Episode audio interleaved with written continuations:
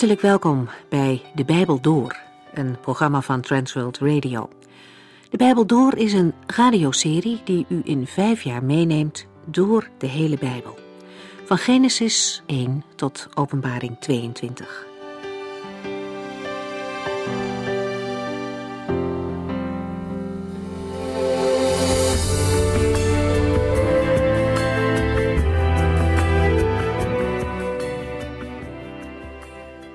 In deze serie zijn we bezig met het boek Handelingen. Het speelt in de tijd van het Romeinse Rijk. Caesarea heeft een nieuwe gouverneur verwelkomd, Festus. En hij krijgt in hoofdstuk 25 bezoek van koning Agrippa en zijn zus. Ze blijven een paar dagen en die gelegenheid benut Festus om de zaak van Paulus aan de koning voor te leggen. Paulus is een onschuldige gevangene die door zijn voorganger in de gevangenis is achtergebleven om de Joden een gunst te bewijzen. Inmiddels heeft Paulus hoger beroep aangetekend bij de keizer en gekregen. En nadat Festus alles uitvoerig uit de doeken heeft gedaan en Agrippa de situatie heeft uitgelegd en ook verteld heeft welke besluiten hij heeft genomen, geeft koning Agrippa aan dat hij deze Paulus wel eens wil horen spreken. Dat wordt meteen geregeld. De volgende dag komen allerlei hooggeplaatsten in de residentie van Festus. De schrijver van Handelingen benadrukt de pracht en praal waarmee alles gebeurt. En dan wordt Paulus binnengebracht. Een gezant van de Allerhoogste God, die niets liever wil dan de woorden van deze God bekendmaken aan al deze luisteraars. Festus vertelt in enkele woorden wat er aan de hand is. En dan richt hij zich specifiek tot Agrippa. Festus heeft namelijk een probleem. Als hij deze gevangenen naar Rome laat overbrengen, moet hij in een begeleidend schrijven de keizer laten weten waarom deze gevangene naar de keizer komt. Maar Festus heeft immers geen concrete beschuldigingen. En daarom hoopt hij dat koning Agrippa een behulpzaam kan zijn als hij Paulus heeft aangehoord. Agrippa is een kenner van de Joodse godsdienst. Misschien dat hij kan helpen om een strafbaar feit te ontdekken. Festus heeft het zichzelf moeilijk gemaakt door niet als een eerlijk man recht te spreken. Hij weet niet op wat voor grond hij de onschuldige Paulus gevangen naar Rome kan sturen maar hij wil hem ook niet vrijlaten, want hij wil ook de Joden te vriend houden. Hij geeft Paulus het woord. En daar gaan wij nu ook naar luisteren.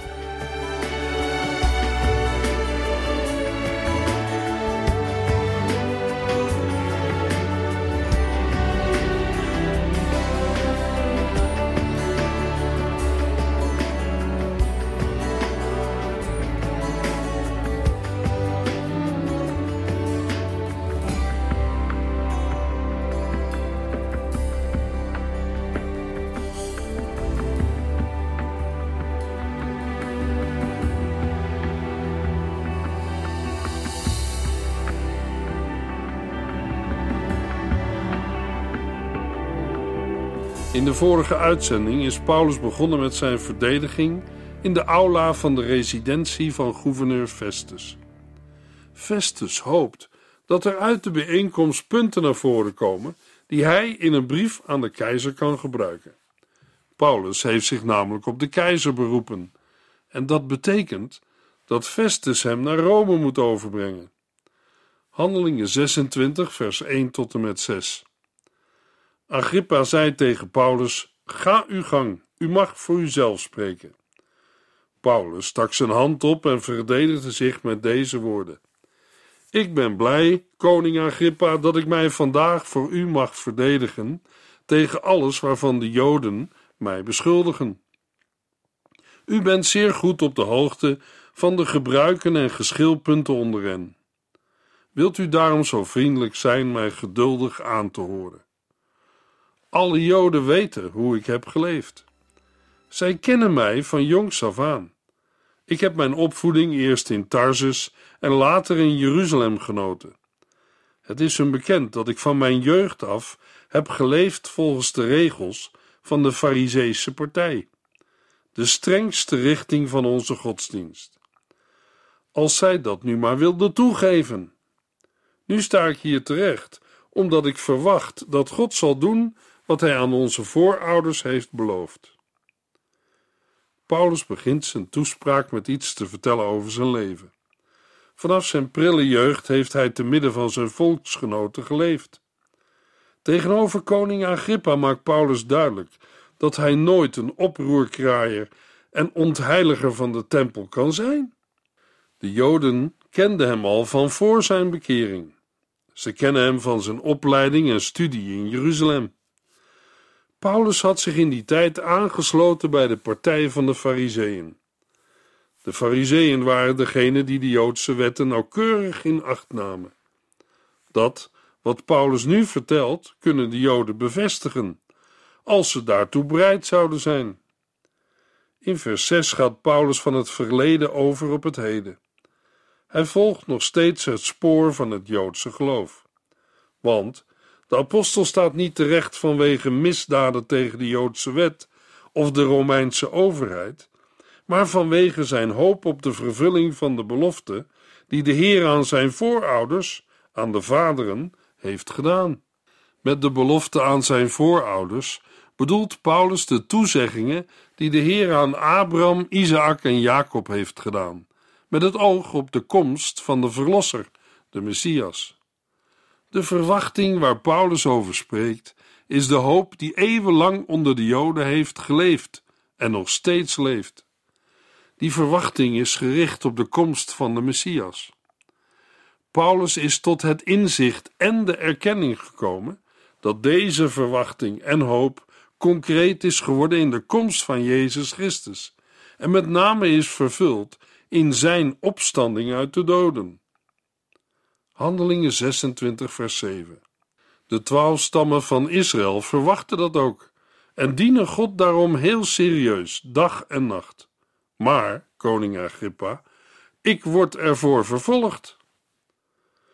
Ondanks de scheuring die na de dood van Salomo onder Israël heeft plaatsgehad, noemt Paulus Israël het volk met twaalf stammen. De twee stammen, Juda en Benjamin, die uit de ballingschap zijn teruggekeerd naar het beloofde land, blijven verbonden met de tien andere stammen, die voor het merendeel niet naar Israël zijn teruggekeerd en in de volken zijn opgegaan. Al moet in dit verband ook gezegd worden dat al voor die tijd een grote vermenging tussen de verschillende stammen had plaatsgevonden. Het serieus dienen van God wijst op de vieringen, de gebeden en de offerdienst in de tempel. Het uitzien en verlangen naar het Messiaanse vrederijk is eeuwenlang onder Israël blijven leven, tot op vandaag toe. Anna uit de stam Aser, Lucas 2, is er een voorbeeld van. De uitdrukking dag en nacht is een Joodse zegswijze die de voortgang en de continuïteit aangeeft. Paulus staat in de lijn van de Joodse geschiedenis. En toch wordt hij door de Joden aangeklaagd om de hoop van Israël. Handelingen 26, vers 8 tot en met 12. Waarom kan niemand hier geloven dat God doden levend maakt?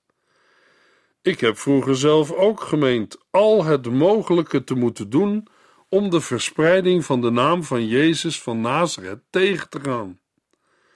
Met toestemming van de leidende priesters heb ik in Jeruzalem velen van zijn volgelingen gevangen gezet. En als tegen hen de doodstraf werd geëist, stemde ik daar altijd mee in. Ik ging alle synagogen binnen. Als ik daar christenen vond, probeerde ik hen vaak met geweld te dwingen Jezus te vervloeken. Door een diepe haat gedreven, vervolgde ik hen zelfs tot in het buitenland. Zo ging ik ook naar Damascus, met toestemming van de leidende priesters. Ze hadden mij de bevoegdheid gegeven namens hen op te treden. Vers 8 is een retorische vraag, omdat de geschiedenis van Israël verschillende voorbeelden kent, waaruit blijkt dat God sterker is dan de dood. De hoop op de belofte aan de voorouders is boven alles gericht op de overwinning over de dood. Dat was niet alleen de overtuiging van Paulus, maar ook die van de Fariseeën. Hoewel Paulus een Fariseer was en in de opstanding van doden geloofde, heeft hij de opstanding van Jezus Christus niet willen accepteren.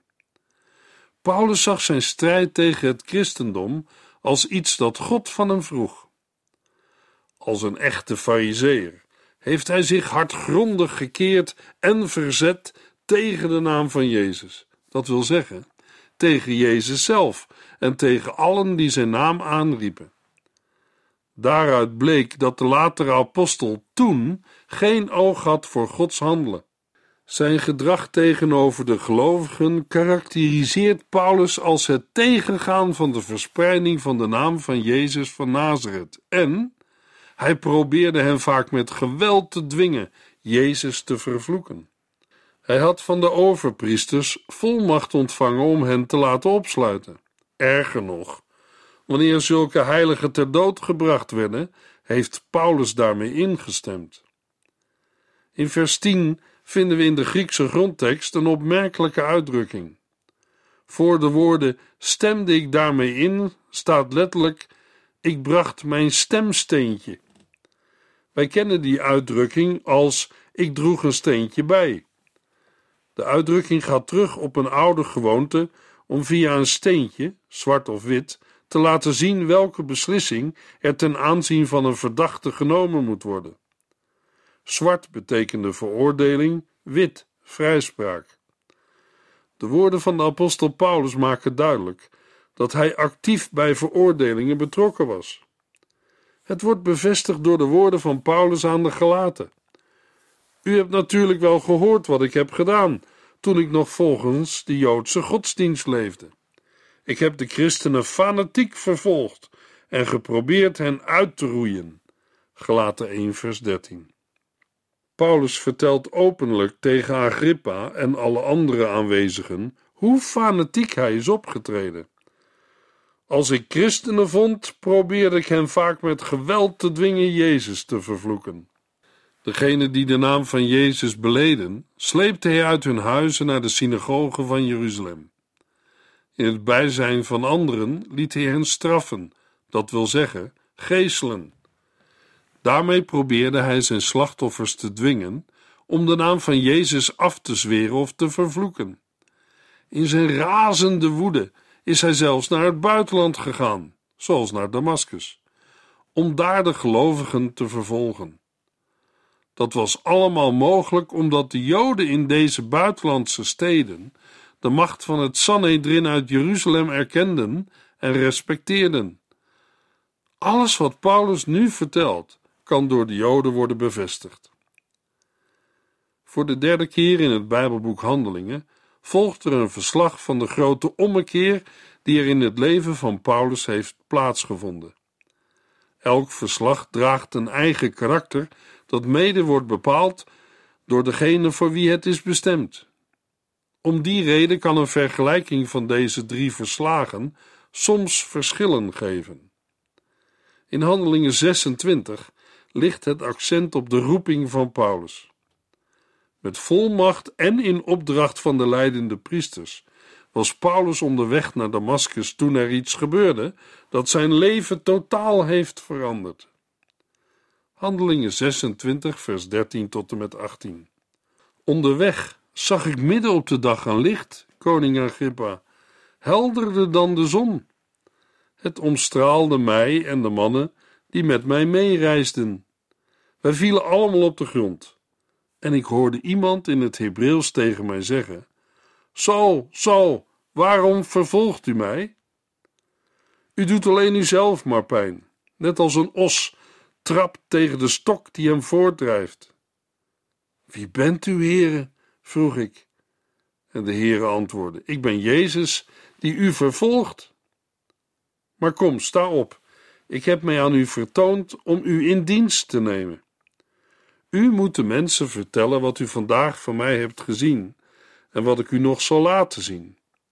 Ik zal u bevrijden uit de handen van uw eigen volk en van de vreemde volken waar ik u heen zal sturen. U zult hen de ogen openen voor de toestand waarin zij verkeren, opdat zij zich van het duister naar het licht zullen keren en zich door God zullen laten regeren in plaats van door Satan. Door hun geloof in mij zullen zij vergeving van hun zonde krijgen en ze zullen deel krijgen aan mijn koninkrijk, samen met de mensen die bij mij horen. Paulus richt zich vooral tot koning Agrippa, wanneer hij de gebeurtenis op de weg naar Damascus beschrijft. In de buurt van de stad gekomen, zag hij midden op de dag, het was rond het middaguur, als de zon hoog aan de hemel staat, een ander licht. Het licht dat hij zag overtrof het zonlicht. Met andere woorden, op klaarlichte dag was er plotseling een licht van hemelse oorsprong, dat zowel Paulus als degene die met hem meereisden omstraalde. Het licht uit de hemel was zo overweldigend dat niemand kon blijven staan.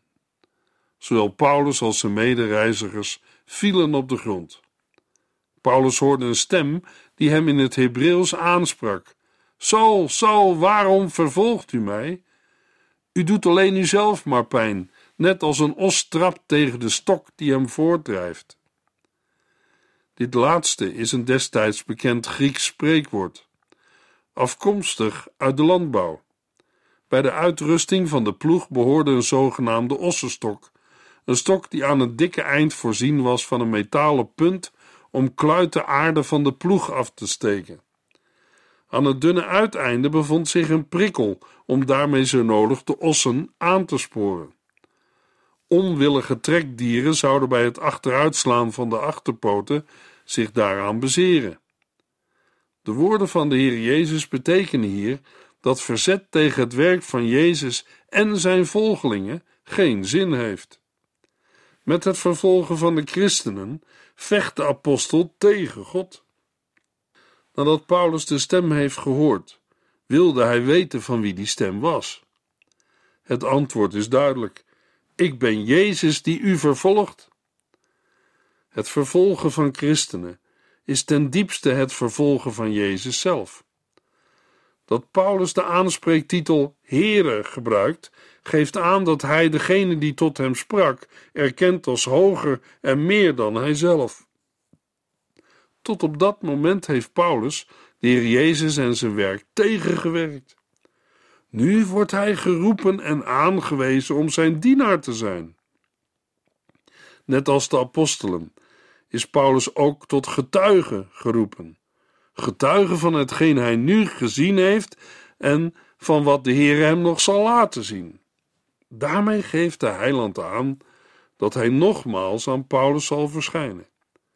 Dit laatste gebeurde drie jaar later in de tempel te Jeruzalem, Handelingen 22, vers 18. Paulus heeft ook nu de Heer Jezus gezien. Zij het dat hij de aanblik van zijn heerlijkheid niet kon verdragen. Het omstraalde mij en de mannen die met mij meereisden. Wij vielen allemaal op de grond. Het doet denken aan Johannes in Openbaring 1, vers 17. Toen ik hem zag, viel ik als dood voor hem neer. De Heer heeft Paulus afgezonderd, met als doel met name de vreemde volken het evangelie te verkondigen. Hoewel Paulus geroepen is voor de heidenen, heeft hij ook steeds zijn volksgenoten aan en toegesproken. Koning Agrippa moet weten dat Paulus ondanks zijn roeping nooit vijandig tegenover zijn eigen volk heeft gestaan. Ook nu niet. Paulus werd tot de mensen gezonden met als doel hun ogen te openen voor het heil van God. Van nature is een mens daar blind voor en loopt in het donker rond, omdat het licht van het evangelie hem of haar nog niet heeft bereikt. Het openen van de ogen moet ertoe leiden dat mensen zich bekeren en overgaan van de duisternis in het licht. Dat ze uit de invloedssfeer van Satan komen tot God. Het doel van de bekering is het ontvangen van vergeving van zonde en het deel krijgen aan het koninkrijk van de Heer Jezus. Met deel krijgen wordt hier het eeuwige leven bedoeld, de volkomen verlossing waarin zij die in Christus geloven mogen delen. Handelingen 26, vers 19 tot en met 23. Nu, koning Agrippa, ik heb gedaan wat mij in dat hemelse visioen is gezegd. Ik ging eerst naar Damascus, toen naar Jeruzalem en heel Judea en daarna naar andere landen. Overal waar ik kwam, heb ik de mensen opgeroepen tot bekering, tot een leven met God wat ook uit hun doen en laten zou moeten blijken. Dat was de reden waarom de Joden mij in de tempel gevangen namen en daarna probeerden te vermoorden. Maar God heeft mij geholpen, zodat ik vandaag in levende lijven voor u sta. Ik vertel groot en klein niets anders dan wat Mozes en de profeten hebben voorspeld, namelijk dat de Christus zou lijden en als eerste uit de dood zou terugkomen om te vertellen dat het reddende licht voor Joden en niet-Joden schijnt. Koning Agrippa direct aansprekend verklaart Paulus dat hij niet ongehoorzaam is geweest aan dat hemelse visioen en de opdracht van de Heer Jezus. De koning zal moeten toegeven dat Paulus moeilijk anders kon dan gehoorzamen en daarom ook naar de heidenen moest gaan met de boodschap van het evangelie. Op de plaats waar Paulus de naam van Jezus wilde uitroeien, is hij begonnen, in de synagoge van Damascus. In overeenstemming met zijn roeping heeft de apostel het evangelie aan de heidenen verkondigd. En net als de profeten, Johannes de Doper en de Heer Jezus zelf, heeft Paulus zijn toehoorders opgeroepen zich tot God te keren. Zo'n bekering wordt ook zichtbaar in een nieuwe manier van leven. Een ander denken moet gevolgd worden door een ander doen. Op een dergelijke prediking kon volgens Paulus nauwelijks iets zijn aan te merken. Door vooral de oproep tot bekering in zijn prediking te benadrukken, stelt Paulus zich bewust in de lijn van de profeten uit het Oude Testament. Ook zij werden na hun oproep tot bekering vaak vervolgd. Na alles wat Paulus heeft gezegd, is het absurd dat de Joden hem in de tempel hebben gearresteerd. De onrechtvaardigheid daarvan moet nu toch aan koning Agrippa wel duidelijk zijn. Voor de zoveelste keer hebben de Joden geprobeerd de apostel uit te schakelen door een aanslag op zijn leven te plegen. En dat terwijl Paulus alleen maar gehoorzaam was aan de opdracht van de Heer uit de hemel. Achter het ingrijpen van de Romeinen en hun bescherming van Paulus staat Gods hulp en bewaring. Tot op vandaag heeft de apostel ondanks aanslagen het leven behouden en is hij staande gebleven als boodschapper en getuige van Jezus Christus. Ik vertel niets anders dan wat Mozes en de profeten hebben voorspeld. Het Oude Testament spreekt over het lijden en sterven van de Messias. En ook de oud-testamentische offerdienst is ten diepste een verwijzing naar het sterven van Christus. Hebreeën 10. Maar de verwachte Messias zou ook uit de doden opstaan, langs de weg van lijden, sterven en opstaan uit de doden. Zou de Christus het licht aankondigen aan zowel het volk Israël als aan de heidense volken. In de praktijk vindt deze aankondiging van het licht plaats door de prediking van het evangelie. Handelingen 26, vers 24 en 25. Terwijl Paulus met zijn verdediging bezig was, riep Festus ineens: Het is in uw hoofd geslagen, Paulus. Al dat gestudeerd heeft u gek gemaakt. Maar Paulus antwoordde: Ik weet precies wat ik zeg, excellentie. Wat ik heb gezegd is waar, zonder enige overdrijving. Terwijl de apostel nog bezig is met zijn verantwoording, wordt hij door Festus onderbroken. Alle aanwezigen kunnen het verstaan als hij roept dat de apostel als gevolg van zijn vele studeren in de war is. Het is niet zo vreemd dat Festus juist bij deze woorden over de opstanding uit de doden Paulus in de reden valt, want dat werd door Grieken en Romeinen voor onmogelijk gehouden. Paulus laat zich door de beledigende woorden van Festus niet uit het veld slaan. Op correcte wijze spreekt hij de gouverneur aan met excellentie. De apostel is niet gek en spreekt ook geen wartaal of onzin. Hij is goed bij zijn verstand en spreekt nuchtere, heldere waarheid die gecontroleerd kan worden. Handelingen 26, vers 26 tot en met 28. De koning begrijpt wel wat ik bedoel. Met hem kan ik er open en eerlijk over spreken. Ik kan mij niet voorstellen dat al deze dingen aan zijn aandacht zijn ontsnapt. Ze zijn per slot van rekening niet ergens in een uithoek gebeurd. Koning Agrippa, gelooft u de profeten? Ja, ik weet dat u ze gelooft. Wacht eens even, zei Agrippa. U denkt toch niet dat u zomaar even een christen van mij kunt maken? Tegenover Agrippa kan Paulus zonder voorbehoud spreken. Hij is ervan overtuigd dat de koning, in tegenstelling tot Festus, op de hoogte is van de kwestie waarom het gaat. Agrippa stamt uit het geslacht van de Herodesen. Deze vorsten hadden vele tientallen jaren geregeerd over Juda of Galilea, en verschillende van hen waren betrokken bij gebeurtenissen uit de evangeliën of handelingen, bijvoorbeeld bij de geboorte van Jezus, de onthoofding van Johannes de Doper, bij het proces van Jezus en ook bij de dood van de apostel Jacobus. Het gaat niet om gebeurtenissen ergens achteraf. Het proces, de veroordeling en de uitvoering van het vonnis hebben in Jeruzalem plaatsgevonden. Iedereen was daarvan op de hoogte. Zeker is Agrippa ook geïnformeerd over de verhalen rond de opstanding van Jezus en over het ontstaan van de grote gemeente van christenen in Jeruzalem. Als ook over de uitstorting van de Heilige Geest en over de vele wonderen die door de apostelen in de naam van de opgestane Heer Jezus werden verricht. De apostel beantwoordt zijn eigen vraag aan Agrippa door te zeggen dat hij weet dat Agrippa de profeten gelooft. Daarmee bedoelt Paulus dat Agrippa, net als de meeste Joden, de profetie over de komende Messias voor waar houdt, zonder daarbij aan te nemen dat deze woorden in Jezus hun vervulling hebben gevonden. De woorden van Paulus hebben Agrippa in verlegenheid gebracht. Op diplomatieke wijze ontwijkt hij een rechtstreeks antwoord. Wanneer hij zou zeggen dat hij in de profeten geloofde, maakte hij zich in de ogen van de niet-Joden belachelijk. Wanneer hij het ontkende, zou zijn reputatie bij de Joden verloren gaan. Hoe zal dit aflopen? Daarover meer in de volgende uitzending. Dan lezen we Handelingen 26, vers 29 tot en met 27, vers 13.